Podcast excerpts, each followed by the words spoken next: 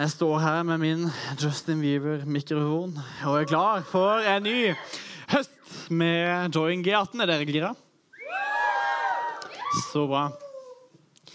Eh, vi skal ha en taleserie som heter Bodybuilder.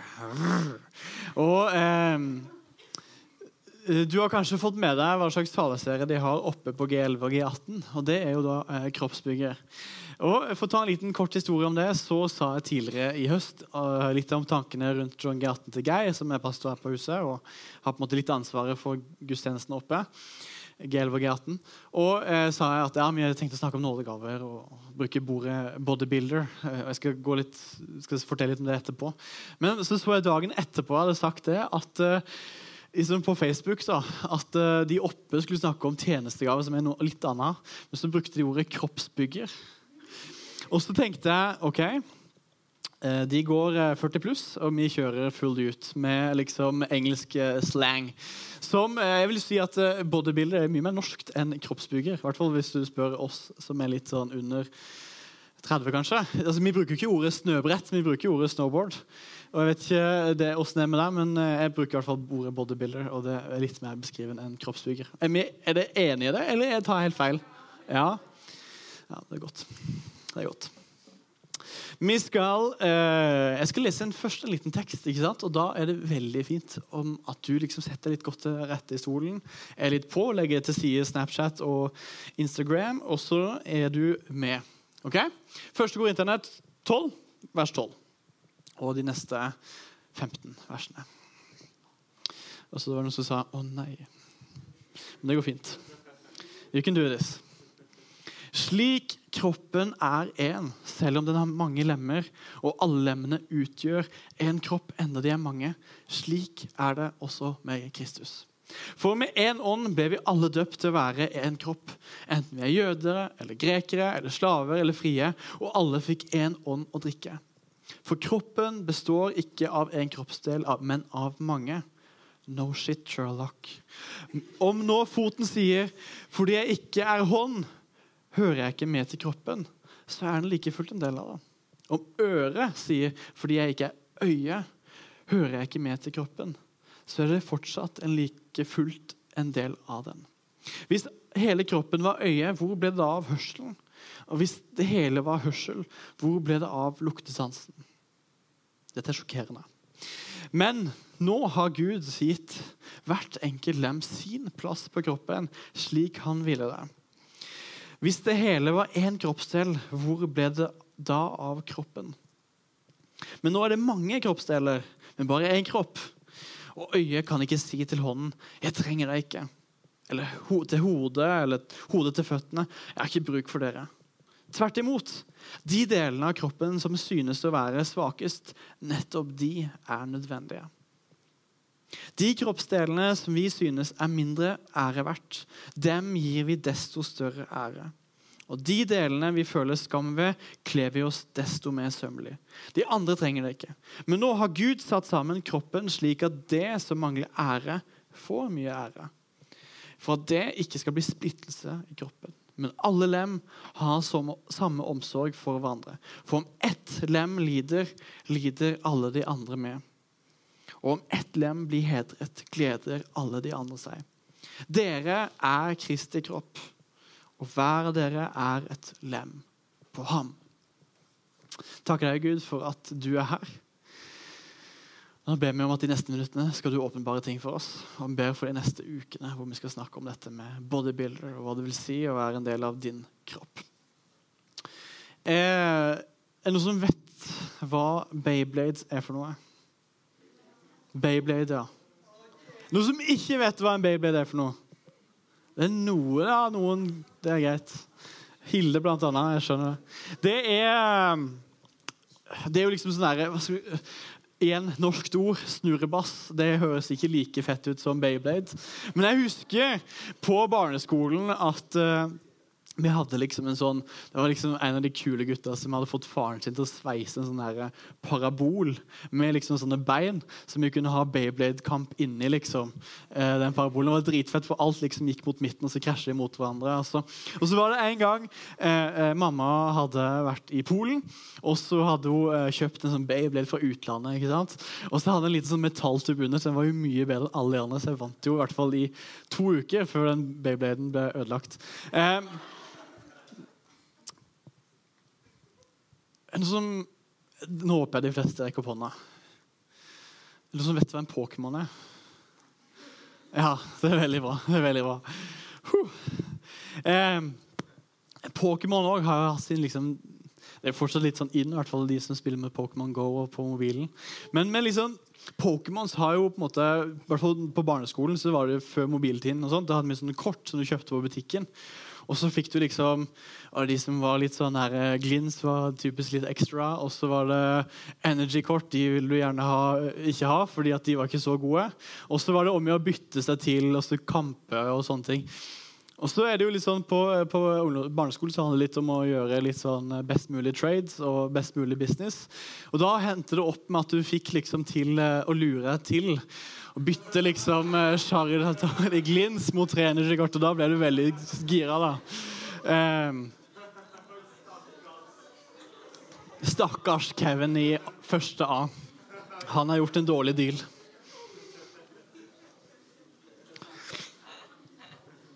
Når vi snakker om disse nådegavene, som er litt sånn rart ord, så er det snakk om litt sånne at Gud har gitt oss litt sånne spesielle evner. Og Noen av dere spiller kanskje noen spill hvor det er litt typisk karakterer og kanskje litt høyere for aldersgrense enn det dere har lov til. Eller Men at det er sånne karakterer som har en type en rolle eller en oppgave. Og litt, litt, ikke helt, men litt det samme er det med nådegaver. At Gud har gitt oss noen sånne gaver, en, sånn, en plass i menigheten. Og hvorfor bodybuilders? Hvorfor det navnet?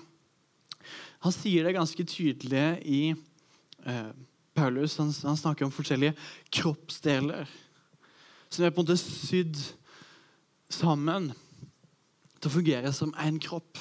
En liksom stor kropp. Og eh, noen er kanskje et øye, noen er kanskje et øre, kanskje noen er en hånd, kanskje noen lillefinger. Men så sier han det at det handler ikke så mye om hva slags lem du er, eller hva slags kroppsdel du er, men at du er en del av kroppen. Og jeg vet ikke, eh, Når man er liksom i Hvis man er i en familie og sitter rundt et eh, middagsbord, så er det ofte mange sånne typier eller stereotypier, som betyr liksom sånn derre sånn der, Du kan på en måte forutse at ja, det er alltid en som er en gamer, kanskje, og så er det en som er litt stille, og så er det kanskje en som snakker med mat i munnen, og så er det kanskje en som smatter litt, og så er det en som eh, snakker veldig høylytt, og så er det en som snakker veldig mye, og så er det en som snakker veldig fort, kanskje. Og så er det noen som er sporty, og noen som spiller instrument, og noen som eh, kanskje er veldig smart og god på skolen. Og så er det noen som ikke er så god på skolen, men de er veldig gode til å late som at de er gode på skolen. Og så har du forskjellige eh, typer, sånne typer i, i, en familie. Jeg vet ikke om du kjenner deg igjen i noen av de tingene som jeg sa nå. Og poenget er ikke å sette deg inn i en boks, men, men, vi har på en måte forskjellige roller som vi inntar oss. Og det er òg litt det vi ser i en sånn menighetsfamilie. At Gud har gitt oss noen sånne gaver som vi er å på en måte bruke. Ikke for oss sjøl, men for de, til de som er rundt oss. Og eh, Vi er nødt til å fungere sammen, som en kropp.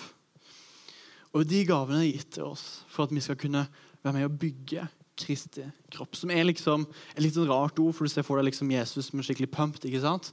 Men det er ikke det det handler om. Det handler om oss med menigheten. Det er liksom Kristi kropp. Eh, og så må vi huske på en ting. I dag blir det litt sånn av og til så kan det være litt standup når jeg taler. I dag blir det litt mer sånn undervisende og litt sånn basic introduksjon på dette med nådegaver. Ok? Bra. Vi må huske på en ting også, at Vi må huske å skille mellom naturgaver og nådegaver. For naturgave er kanskje en sånn gave du har fått fra du ble født. F.eks. det å synge. En, kanskje en sånn naturgave. Jeg er ikke født med synging som en naturgave for min del. Skulle gjerne ønske det, men det er jeg ikke. Ehm, jeg er tonedøv. Men det betyr ikke at jeg ikke har andre gaver som Gud har gitt meg. Og vi tror at Gud har skapt oss. Så Derfor tror vi også at de gavene som han har gitt oss, som type naturgave, som synging, eller det kanskje å være flink med folk, eller det å være god på å se folk, eller det å være kanskje litt smart, eller det å kunne hva skal vi si, eh, analysere ting og så se problemer og fikse Altså Dette er type ting som Gud har gitt oss fra vi på en måte har blitt født, og så har vi fått lov til å utvikle og vokse Da. mens vi har vokst opp og vært en del av kanskje et miljø eller del av en familie eller en del av et skolemiljø, og så er vi på en måte blitt forma av det. Og Det kalles naturgaver. Men så har du den andre liksom, kategorien som er nådegaver. Og Det er på, en måte sånn derre um, Hva skal vi si åndsgaver som er blitt gitt på en sånn overnaturlig måte. Og det er egentlig at uh, vi tror at uh, ja, Gud har skapt oss og gitt oss naturgaver, men vi tror også at når vi tar imot Den hellige ånd, når vi sier til Jesus, så vil han òg gi oss på en måte, gaver som er litt, litt sånn annerledes karakter. En type utrustning. En åndsutrustning. Som er på en måte litt sånn overjordisk.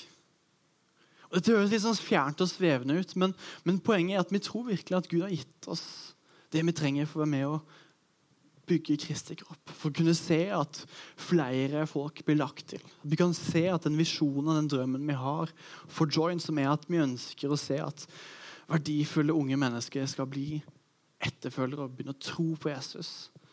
Vi setter alle de gavene som er i dette rommet her og i resten av Join og resten av Imi-kirka, som Gud har gitt så ser vi plutselig en fungerende kropp. Hvor ikke alle er liksom ører. For hvis alle hadde vært øre, som kunne vært Ikke heng dere opp i liksom kroppsdelene som at en nådegave er en øre, men et bilde på en nådegave. Si at alle hadde vært ører, så hadde det vært veldig stille, og så hadde alle lytta.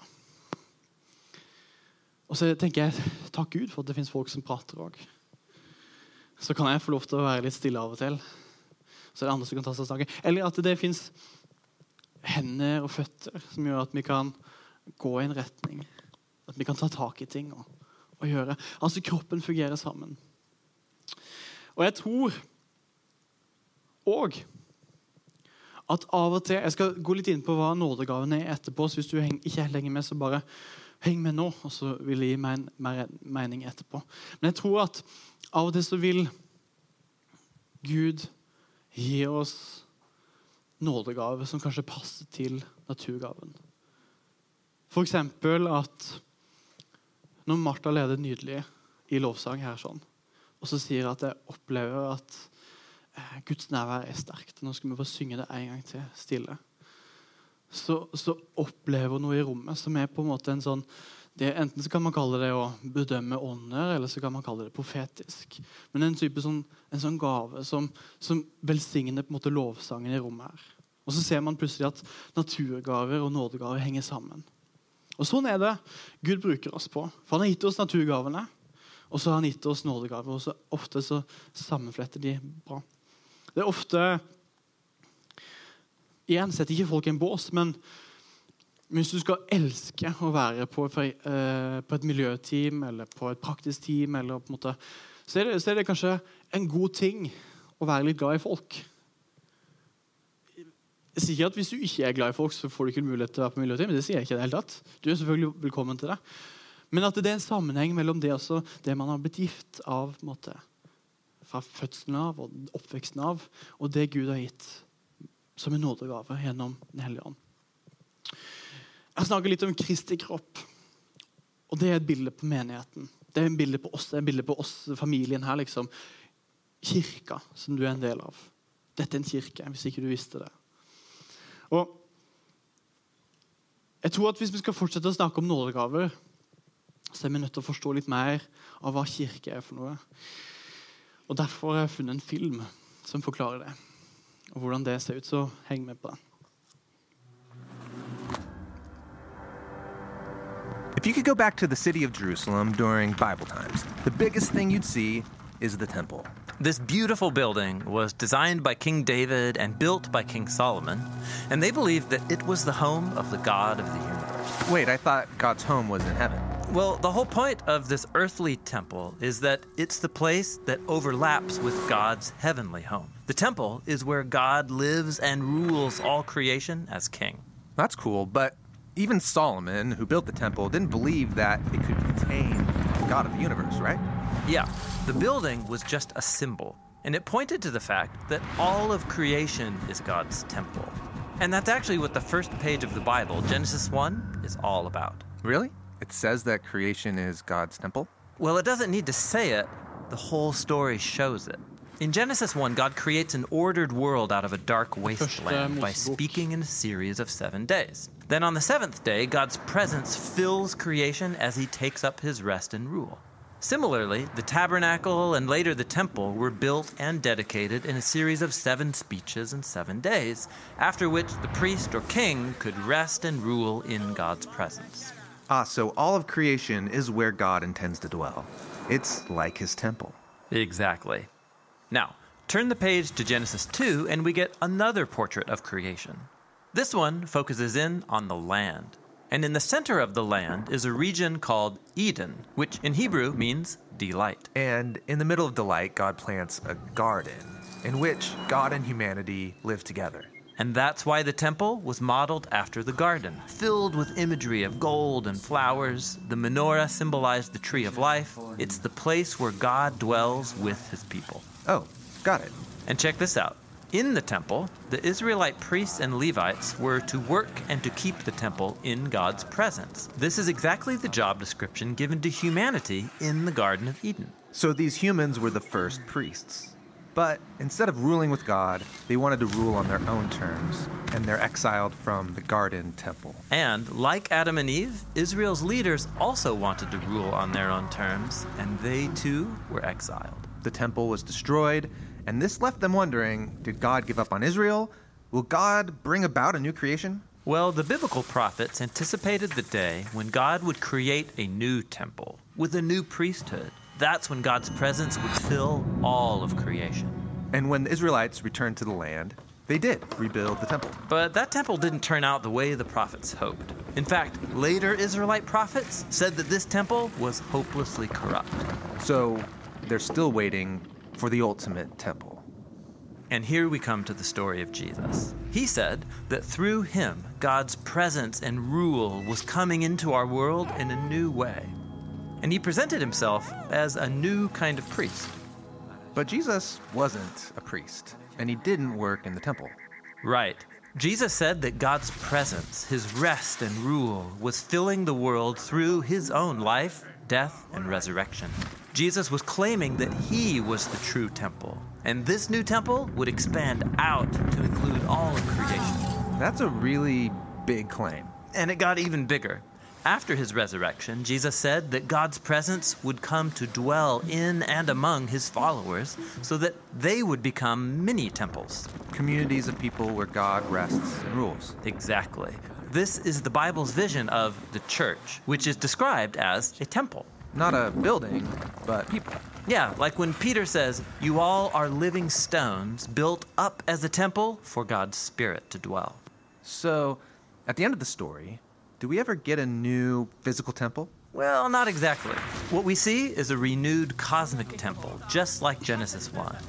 And this new creation doesn't need a temple building because through Jesus, all creation is now the place where God rests and rules the world with his people.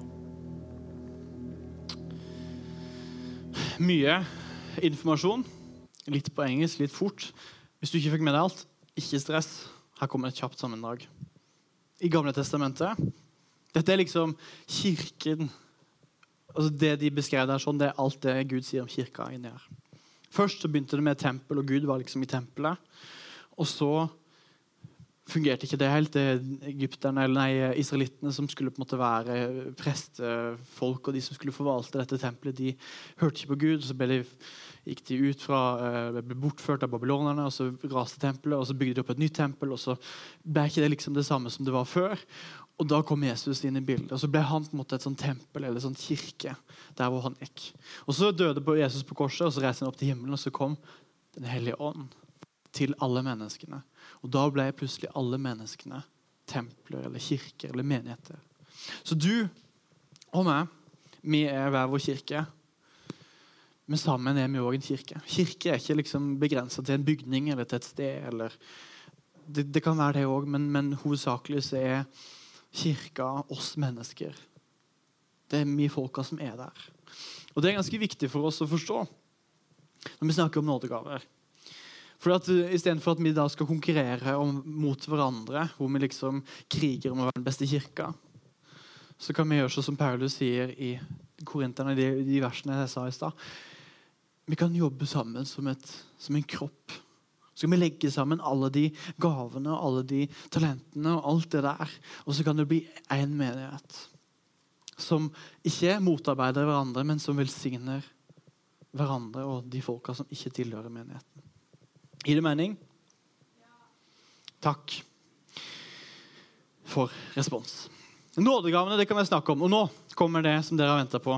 Hva er egentlig nådegavene? sånn rent konkret?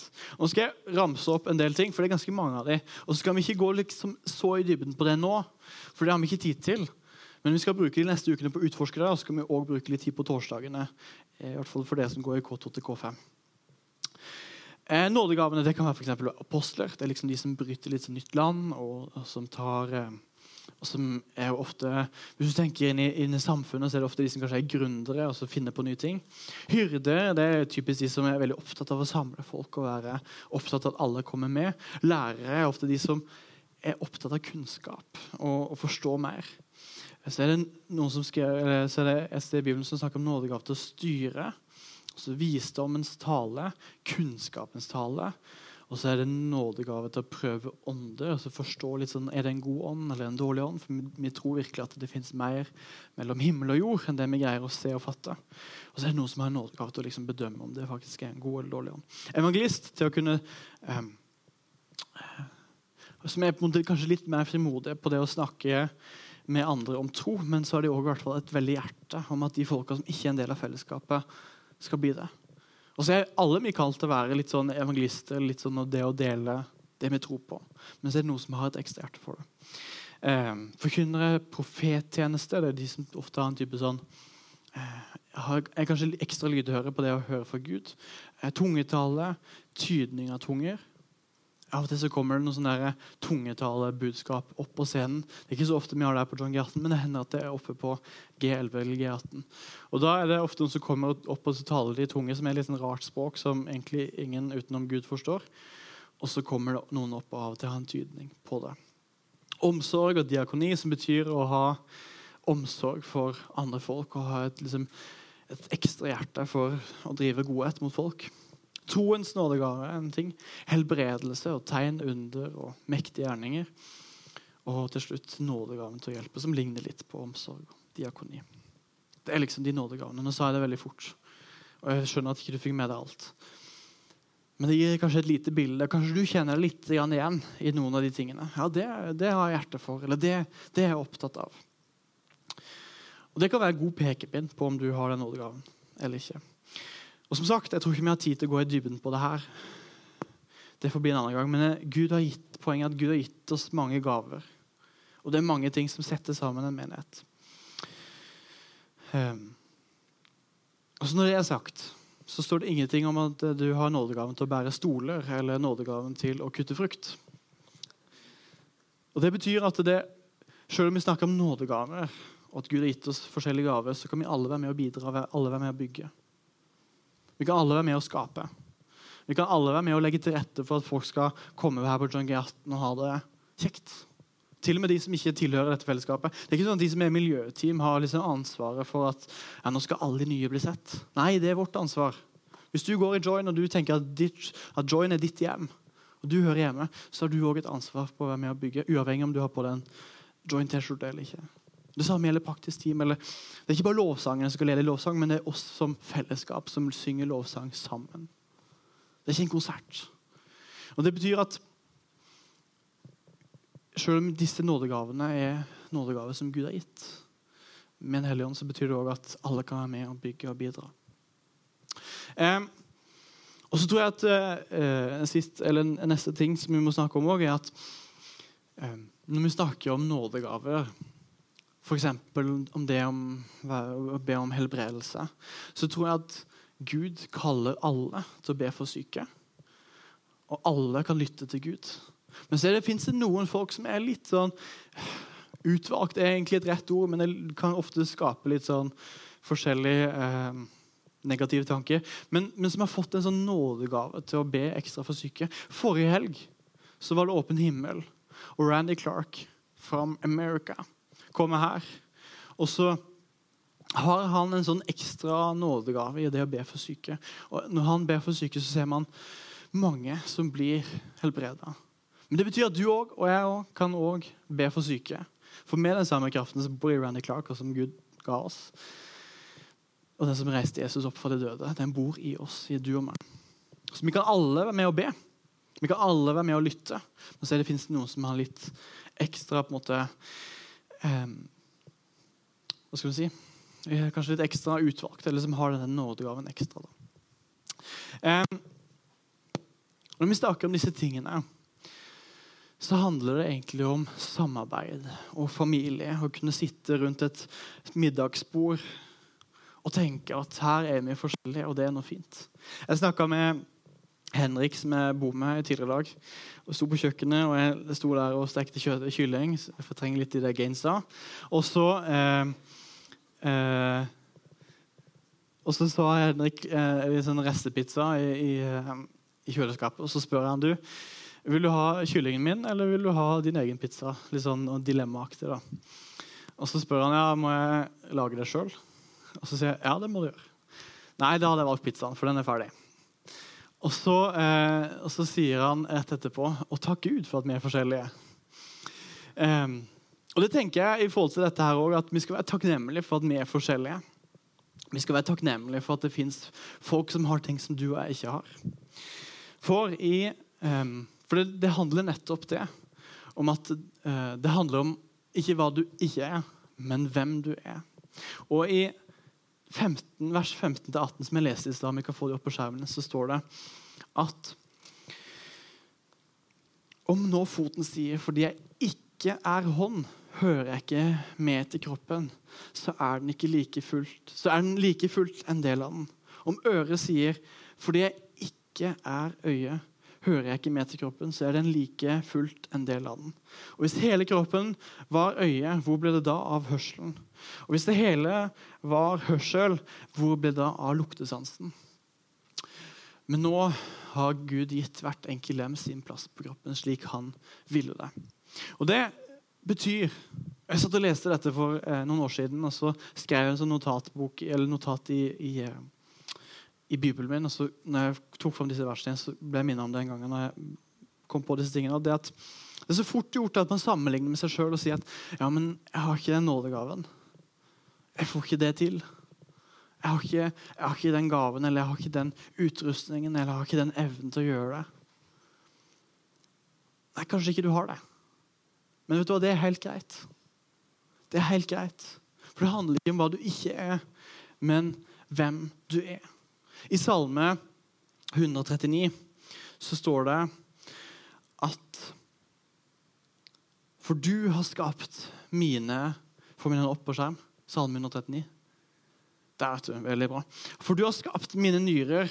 Du har vevd meg i mors liv. Jeg takker deg for at jeg er underfull laget. Underfulle er dine verk. Det vet jeg godt.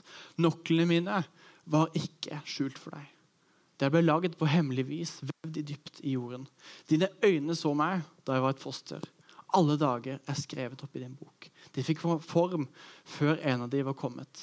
Dine tanker, Gud, er dyrebare for meg, og summen av dem er ufattelig. Heller teller jeg dem, er de talløse som sand.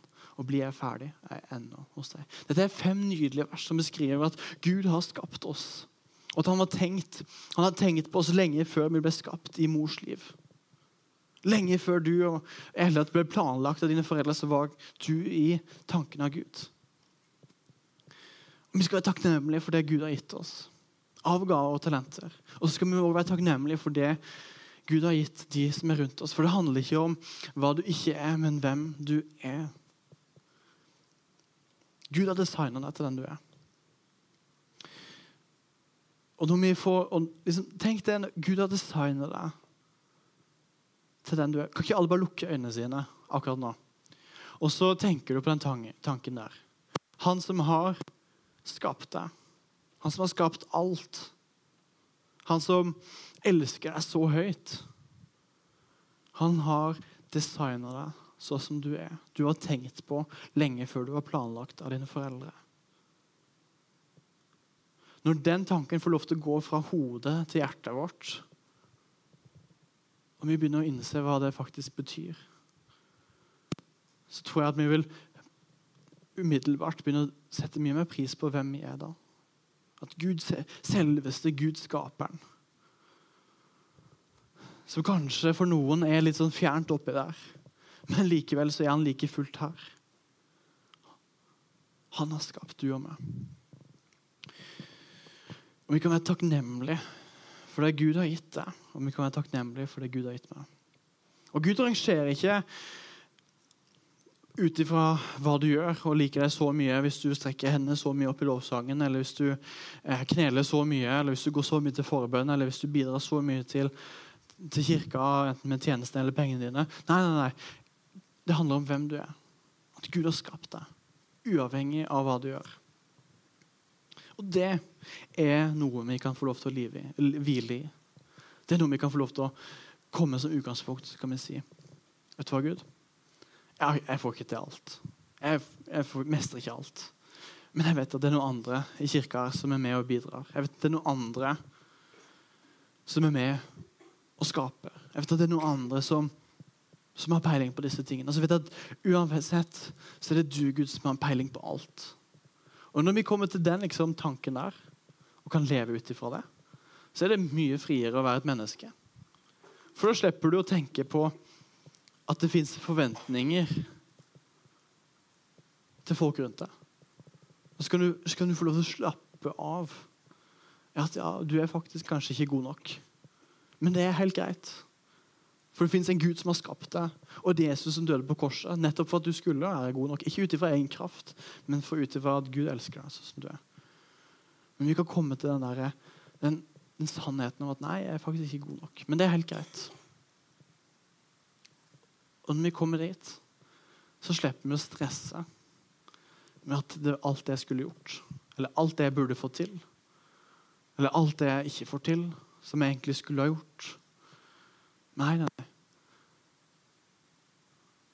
Det slipper taket. Men vi kan få lov til å komme til den der sannheten om at jeg er ikke god nok. Men det er helt greit. For Jesus, han er god nok. Og summen av alle de som sitter her inne, når vi gjør dette sammen som en familie, som en menighet, så kan vi forandre verden. Ikke ut ifra liksom meg sjøl alene, nei, men oss som familie, oss som fellesskap. Og skal vi slippe å jage etter det der godhet, god nok-behovet. Men vi kan få lov til å hvile i at jeg er ikke god nok men det er du, Gud. Og det er nok for meg. Kan ikke vi alle reise oss opp, og så kan lovsangstimen komme på scenen?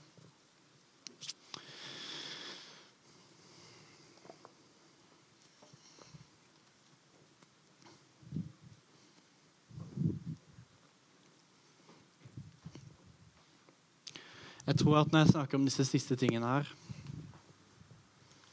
så tror jeg at det er noen som sitter her inne og Jeg kan vente med å spille litt, forresten. Bare ha det litt stille. Så tror jeg det er noen som Det messer litt med noen. Fordi at de alltid har gått etter å jage etter det å være god nok. Det messer med det at man alltid skal få til dette med å prestere. Og så står det en litt sånn derre 23-åring som ungdomsleder, og så skal han plutselig si at ja, men du er egentlig ikke god nok. Og så mester det litt inn i hodet ditt. Og så tror jeg at eh,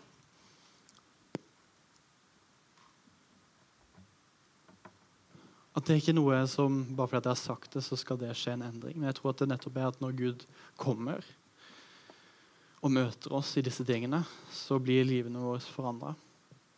Og vi kan nettopp Jeg sier ikke at du ikke er verdifull, for det er du. Jeg sier ikke at du ikke er elska, for det er du. Men du er ikke elska av hva du gjør, du er elska av hvem du er. Og det er to vidt forskjellige ting. Så Når jeg sier at du ikke er god nok, så betyr ikke det om det går på din verdi eller din, om du er elska. Nei, det, jeg skiller nettopp det. For at the end of the day så er det ingen av oss som strekker til. Og i den erkjennelsen og i den, liksom, i den sannheten så er det faktisk ganske mye hvile. For hvis vi kan komme til det og liksom kjenne på den hvilen der, så slipper litt de der forventningene om at jeg skal strekke til hele tida.